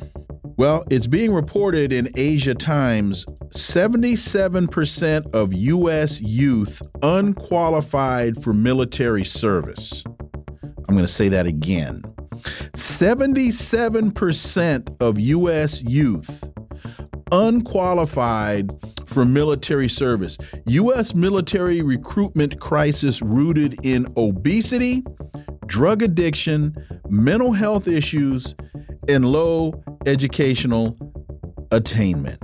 American kids are fat, dumb, and stupid and addicted to drugs. For insight into this, let's turn to our next guest. He's a peace activist, writer, and teacher, KJ Noh. As always, KJ, welcome back. Thank you. Pleasure to be with you. The U.S. military faces an unprecedented recruitment crisis with health, education, political, and societal challenges undermining the force's combat readiness against near peer adversaries, including China. In March 2023, American Military News reported that a 2020 Pentagon study revealed that 77% of Americans do not qualify for military service without a waiver due to drug abuse, mental or physical problems, or being overweight. KJ, am I wrong to say, am I wrong to draw from this, as I said in the open, that uh, this is telling us American kids are fat, dumb, addicted to drugs, and crazy? Well, I, I agree with you. I mean, that's that's the entire uh, conclusion in a nutshell. But we have to ask a little bit deeper, you know, Mhm. why is that the case? Right. And uh, if we look at that, then we, we can only notice that it's a system that doesn't work. It doesn't work for young people. It doesn't work for the vast majority of the citizens of the United States. In fact, not only does it not work, but it actively oppresses them. And so then if we understand it from that standpoint, then we can understand that this is simply not a matter of youth not being qualified to serve in the military, you know, which is a huge problem for the U.S. as it wants to continually keep expanding its wars, but also the fact that the youth of the United States have no reason, they have no motivation to fight or to join the military. I mean, why would you become a foot soldier? Why would you fight for a system that actively oppresses you, that actively marginalizes you? Uh, that actively impoverishes you and to boot loses all the time. There's no reason why you should risk your life, your health, your mental health for a system that does very, very little for you, if anything. And I think that's the core issue, which I think this article is actually uh, skirting, uh, that it, it's looking at symptoms, but it's not looking at fundamental causes. Well, and, and you know, I um I saw uh, an article recently that said there was this one school system in California, thirty percent of the children were homeless. That either they didn't have a home and they lived on the streets, or their family was forced to live, you know, in the basement of a friend or a relative or whatever. Their parents could not afford a roof over their head. That being said, number one. Where do poor people get their calories from? From the cheapest thing they can, which means their health is not going to be as good. Number two, you're homeless, you're a child, you're going to have terrible mental issues as a result of that stress issues etc you don't know so these i think a big part of this is a system that impoverishes the people in this system and a lot of health issues. And uh, let me add this. When you're poor in america you probably don't have your, your parents work at burger king or something. They don't have health care coverage. They don't have mental health care coverage as you said this is a system that impoverishes people. No health health care system no decent food and this would be the obvious result kj Yes, you're absolutely correct. I think you and I are on the same page. It's a system that impoverishes, that immiserates, that uh, that you know literally drives people crazy, and it's designed to drive people crazy. And after all of that, you you know kind of you have an article like this which naively claims, "Oh, what a surprise!" You're absolutely correct about homelessness. I mean, the homelessness is off the charts. All you have to do is look around you. In my small experience teaching in the community college system and at the state college system, I can tell you somewhere between, uh, depending on the school, between 80, uh, 80%, for example, in the Cal State system, 80% of the students are housing insecure. Every time Wow. uh, I taught a class, the students would come to class hungry because they simply didn't have enough money. KJ, And so, how many yes. how many professors in the Yes. system are housing challenged? Exactly. Living in their cars. Sleeping in their cars. Exactly. Yeah. So these are fundamental structural uh, inequities and contradictions are simply, you know, rising up uh, and and and being made visible in in this superficial article. But simply it boils down to the fact the system is not working. And given that the system is not working, why should a person, you know, lay their life on their line to uphold this system that is not working for them or for anybody else that they know? when we look at a lot of the narrative that we're hearing in mainstream media, well, let me take a step back. When you when you when you start from the premise of American exceptionalism and American internationalism and all all of those um, all, all of that that rhetoric that is promoted to our kids and then you look at what are the issues that we're hearing when it comes to education in the United States. What are the issues that we're hearing about mostly now? Banning books that introduce LGBT, LGBTQ issues, and if you're in Florida, African American history should not be on the AP exam. And American parents wanting to gain control of their school boards and school systems, not so that they can improve the academic standards, it's so that they can remove particular things from being taught in the classroom. The, and so, when I believe when that's the focus of your parents and when that's the focus of the system, then you will wind up with results like this. You're absolutely correct. Of course, if you don't have your priorities straight, but more than that, if you don't even understand what the problem is, then there's no way you're going to solve it. What we see over the past years and decades is that everything has been focused on quote unquote cultural issues when the real issues are structural issues. This all this kind of back and forth around cultural issues is simply a diversion away from the real issues, which are structural issues. These are issues that have to do with governance and capitalism and the economy and the way that the entire system is set up to exploit and immiserate humans within it, except for the ruling elite. And that is the fundamental uh, problem that is being occluded by all these uh, surface level debates. And you know there is, I'm, uh, you know, I, they won't do a study about this, but uh, you know I haven't seen it, but I think there is a a parallel issue and that is okay you got kids who are who can't join um, because of uh, you know physical reasons, drug abuse, etc. But I guarantee, if you ask the people who joined why they joined, it also had to do with the impression of the youth. If you check the kids that joined, why'd you join? Well, I want to go to college and I can't afford college and I don't want to end up with all of these bills. Well, you know, I'm from a poor area and we don't have anything, and I thought maybe I'd give me a chance. Would give me a chance. If you look at the people who did join, it's not I'm going to go out and stand up for the good and right, red, white, and blue, blah, blah, blah. It was poverty issues. Poverty issues are making people so they can't join. But KJ, I bet you it's poverty issues that are the ones that are actually are joining. It's not some rah rah for the country. It's they're suffering and they're struggling, and it's hopefully a way out, sadly, in the military. Yes, I mean, how many senators' sons uh, are you know joining the military? You know, how many of uh, you know, uh, you know, how many wealthy people are joining the military? It's just not happening. It is at the bottom a poverty draft. It always has been to a certain extent. Certainly, the people that they sent to the front have always been the poorest and the darkest people. But right now, it is without a mistake. It's a poverty draft. It's an immiseration draft, and they are sold uh, a line that somehow that they can quote unquote make something of themselves and crawl out of this immiseration if they join the military. And then all of this kind of language around finding oneself and, you know, masculinity, blah, blah, blah, all of that is thrown in there. So the indoctrination is there, propaganda is there. But even so, it's not working, as we can see that it's not simply managing to create enough immiseration and enough indoctrination for youth to want to join the military.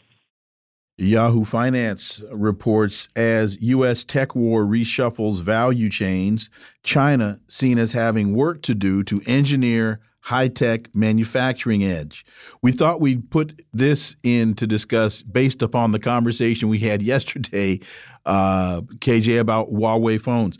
As China and the U.S. battle for tech supremacy, the Washington led global subsidy war is casting a long shadow over Beijing's ambitions to become the leader in high tech. The U.S. launched a new era of uh, industrial policy over a year ago as the Inflation Reduction Act and the CHIPS Science Act poured billions of dollars into alternative energy and semiconductors in a bid to reduce dependence on China. While the policies would deliver desirable outcomes, according to uh, Hinrich Foundation senior fellow, any progress may take years. Your thoughts, KJ? No. Well, yeah, exactly. When I read this article, I just said to myself, what a silly article. And it just goes to show you that a lot of what is put into the Asia Times, you have to be very circumspect when you read the Asia Times. There's some good stuff. Mm -hmm. There's quite a lot of feedback. Actually, this is South China Morning Post. Oh, well, same. Yeah. okay. okay. Uh, I would say even worse. Right. right. Yeah, I was going to say, I find Asia Times to be better than South China Morning Post, which is really asking in some degrees, do you want rat poison or arsenic? Exactly. I mean, it's a colonial newspaper, and it it shows those uh, traditions. You know, that's part of its imprinted DNA. But as I, uh, you know, as I was saying, uh, you know, the the the you know, we pointed this out yesterday. You know, the U.S. tech war on China is not working, and essentially, the U.S. having failed or failing in its Tonya Harding strategy is also starting to emulate China. That is, it's trying to take on elements of a planning, dirigiste, uh, planned economy.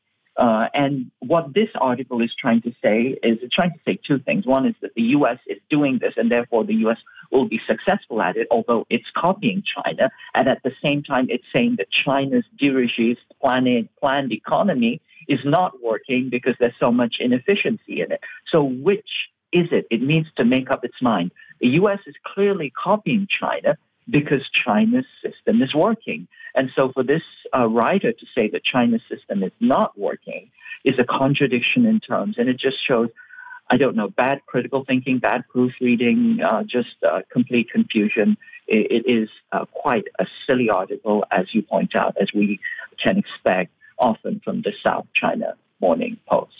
And uh, U.S. News reports Myanmar, Myanmar's jailed ex-leader Aung San Suu Kyi ailing. She's apparently got swollen gums or something, according to them. And here's what I uh, interesting: Myanmar's exiled national unity government set up by opponents of military rule. I read that to be the neocons. Your thoughts?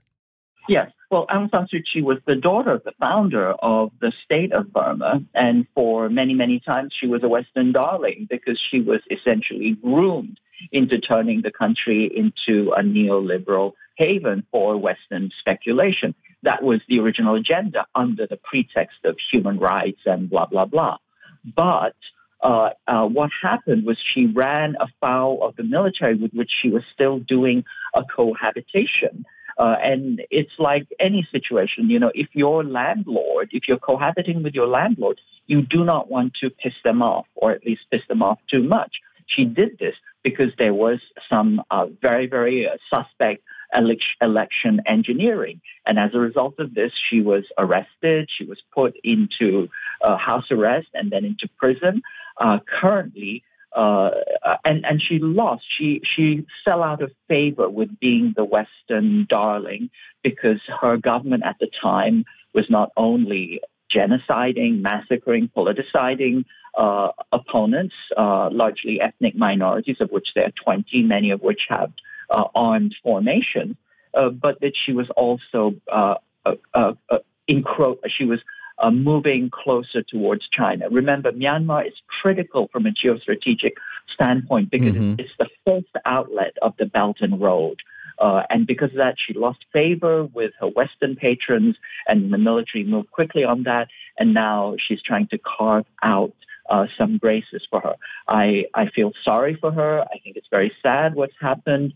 But I think that this also shows what happens when you, you know, cast your lot with the West, which is very happy to abandon you uh, the first chance that you do not serve them fully.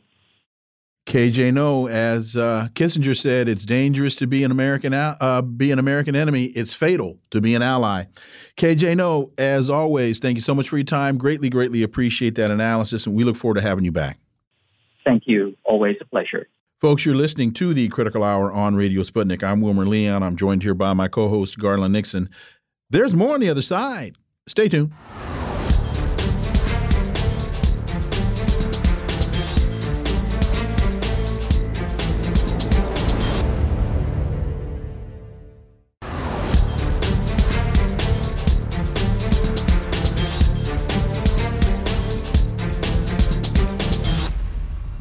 We are back, and you're listening to the Critical Hour on Radio Sputnik. I'm Wilmer Leon, joined here by my co host, Garland Nixon. Thank you, Wilmer. Orinoco Tribune reports signs of recession in U.S. Job offers continue to fall. The United States is projected to be on the verge of a recession, and some experts warn that economic players have to be prepared to face it. This is according to the latest data released by the U.S. Bureau of Labor Statistics. But how can this be?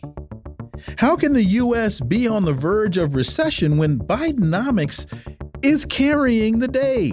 For insight into this, let's turn to our next guest. He is an associate professor of economics at the University of Missouri Kansas City and former president of the National Economics Association. Dr. Linwood Tauheed, as always, sir, welcome back. Thank you. So, the Bureau of Labor Statistics report that was published on Tuesday, the 29th of August, details that the number of available jobs in the U.S. has fallen for the third consecutive month this year, which could be a sign that another economic downturn is on the horizon.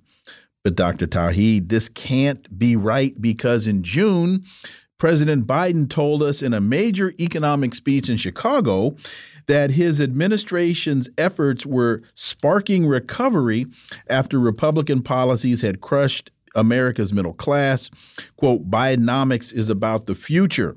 Bidenomics is just another way of saying restore the American dream. But, Mr. President, I understand the American dream, but what about the American nightmare? Linwood Tauheed. Uh, yes, uh, you know, uh, Biden certainly campaigned on a very progressive platform. Uh, and uh, most of the things that he's campaigned on, which would have helped the middle class, he has not even attempted to implement. For example, he he um, campaigned on raising the taxes for those earning over four hundred thousand. Now that's that's not the very wealthy, but it is over four hundred thousand, uh, and to repeal the the, the Trump tax cuts. He's done he's done none of those, and uh, his uh, Bidenomics platform is arguing that he's uh, you know uh, the recovery is happening from the from the middle out, meaning that he's attempting to to avoid the uh, the fortunes of the middle class that have been devastated uh, in, in in recent decades.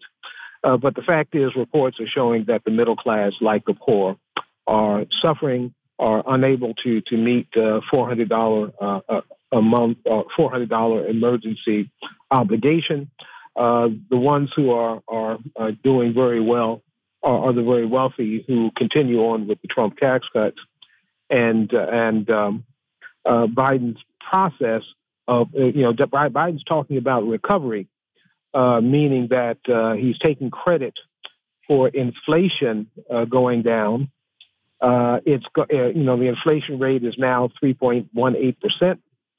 Uh, Jerome Powell uh, is arguing with the uh, with the Fed is arguing that their target is two percent. but they're they're watching for a fall in the labor market, that is, an increase in unemployment, before they will stop raising the interest rates. And so, essentially, Bidenomics is to bring down inflation uh, at the cost of working people, which is, uh, and he's allowing the Fed to do that, um, or at least not pushing back on the Fed doing that, since the Fed is supposed to be independent.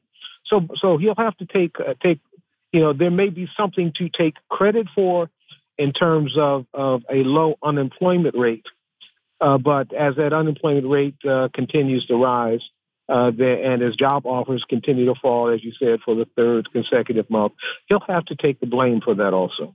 Now, you know, I think also one of the things, the issues here is, you know, traditionally, uh, what what we are told inflation is what too many dollars chasing too few goods. If you look at what's happening, I've read that as much as 40% of inflation is price gouging. That a lot of the issues of inflation, that basically that is a traditional, you know, way of seeing it. But in specific instances, and particularly the one that we find ourselves in, that isn't the case. And in that that isn't the whole case or even the majority of it, then what Jerome Powell is doing won't will barely address it at all, if not make it worse. Well, and you you add you add the price gouging with the supply chain problems, And so right. it's, not too much money chasing too few goods because there aren't goods right. out there to chase. Uh, but they're going to use the right. same tools that they always used as if that were the case. Because when you have a hammer, when your only tool is a hammer, every problem is a nail. Dr. Tauheed. Yes, what, what the Biden administration has done is turned over the economy to the Federal Reserve. And the Federal Reserve only has one tool, which is to manipulate interest rates, in this case, to increase interest rates to try to, to slow demand. And it is, uh, you know, the evidence is that it is slowing demand. But if the problem is not a demand problem, if the problem is a supply, one, a supply problem, and also a price gouging problem, then raising interest rates will do nothing uh, to, to address that issue but in fact will uh, eventually increase the unemployment rate. So we're we're heading into a recession. Uh, it's uh, it, it, it's slow, and as as we've mentioned on this program, the unemployment rate is is no longer a good indication of how uh, the economic fortunes of, of, of the working class, uh, because there's so many part-time jobs, gig economy, and so forth. Uh, the unemployment rate has actually been fairly stable for a year but there have also been uh, layoffs and redu- reducing uh, hours of work and so forth. And so the unemployment rate is not giving us a good idea of, of how bad the, the economy is for, for the working class and the middle pe- and the middle class. And, and Biden is taking credit for that. Unfortunately, when when it all falls apart, he'll have to take the blame. And Consortium News has an interesting piece from Labor Day: the minimum wage at 85 Without any mechanisms to adjust for rising prices, the real value of the federal minimum wage hit a 66 year low in 2023. It's now worth 42% less than its highest point in 1968. And they say that the latest proposed changes in Congress, the rise of the Wage Act of 2023, would increase the minimum wage to $17. In light of this new legislation, they took a look back at 80, 85 year history of the minimum wage and how it differs in states and localities. Uh, where are we, Dr. Tauheed, with this minimum? Is this new proposed min minimum wage a solution or a band aid? Well, it's a solution if it can can get passed. Uh, the uh, the last estimate of what the minimum wage should be to keep to keep up with inflation was uh, about twenty three dollars an hour. Now that was before we had these huge in, uh, increases in inflation, so we're probably somewhere around twenty eight, maybe thirty dollars an hour to keep up with inflation. So so maybe maybe this is more of a band aid than a solution. Uh, the the the um, uh, minimum wage comes into effect in 1938 in the Fair Labor Standards Act, and uh, if we're we're looking back at the highest point in value of the minimum wage, that would be 1968 when it was equivalent to today's $12.50. Now the minimum wage now is uh, $7.25, so it has lost, as as, as the report says, 42% of its value and and so you know uh, it, it, because of inflation, the, the minimum wage has not kept up. It, it's not nearly kept up. Even a seventeen dollar an hour minimum wage is is is too too little. It's uh, about two and a half times what the minimum wage would be. Uh, but um, it is now, but but it's not nearly enough. And you know, we hear every so often when there's a, uh, a, a, brief discussion of raising the minimum wage, you know, the, the arguments are always made like, yes, if the minimum wage is raised, then the economy will fall apart, small businesses will go out, blah, blah, blah, blah, blah. But in recent years, we've had entire states, entire cities, municipalities raise the minimum wage dramatically, double and triple it. And I don't know, you know, everything went quiet. I don't know of one of those municipalities where all the small small businesses closed down and all the bad things that were predicted happened, Dr. Tauheed? Yes, I mean, all of the opposition to raising the minimum wage, saying, for example, if you raise the minimum wage, then then uh, teenagers will lose jobs because no one's going to hire them at a higher wage, or that unemployment will increase. That's not the experience. That's just economic models, if you will. That's theory. But it, but but the reality is, as you've indicated, there are places that have uh, increased the minimum wage uh, to uh, fifteen dollars an hour and have seen no increase in unemployment. In fact, in many cases, the increase in the, in the minimum wage giving working people uh, more money to spend actually creates a boost to the economy. Now, we've known this because of economic studies done in the 1980s and the 1970s. We know the effect of raising the minimum wage is not to increase unemployment, but in fact to stimulate the economy. And so the economic theory, the models that uh, that in fact the government used, the, the uh, Congressional Budget Office used as models instead of actual studies, and, and those are not synonymous. The models say there'll be a negative effect, but the but the actual studies show that there's is in fact not only not a negative effect, but a but a positive effect in, in increasing the minimum wage. And, and, the idea that a seven dollars and twenty five cent uh, minimum wage now uh, is even less than an equivalent buying power to what what it was in uh, 1968, 42 percent less, uh, shows us how uh, working the working poor who are working on a and depending on the minimum wage how they're faring, which is not very well, which is in fact horrible. And so, as we sit here now on the sixth of uh, September, and we look towards 2024, how big of do you how big of a problem do you project the economy is going to be for the Biden reelection campaign? Well, projecting exactly or or even approximately how big it's going to be uh, is is is a, a difficult thing. Mm-hmm. I, I, do think I, I do think uh, the, you know these two stories. One with the job offerings going down to now less than nine million, uh, which is less than uh, the job offerings were doing during the uh, during the recession in 2021 uh, during the, the pandemic. is a, is a, a, an indicator, an omen of things to come. there is a, a, more than a year between now and and the election, and it's it's very probable that the economy is already uh, moving into recession, uh, and and Bidenomics and Joe Biden will have to take the blame for that. Dr. Linwood Tauheed, as always, thank you so much for your time. Greatly appreciate that analysis. We look forward to having you back. Thank you, sir. Folks, you've been listening to the Critical Hour here on Radio Sputnik. Thank you for allowing our voices into your space. On behalf of myself and my co host, Garland Nixon, we hope you were informed and enlightened. And we look forward to talking with you all right here tomorrow on Radio Sputnik. Be safe. Peace and blessings. We're out.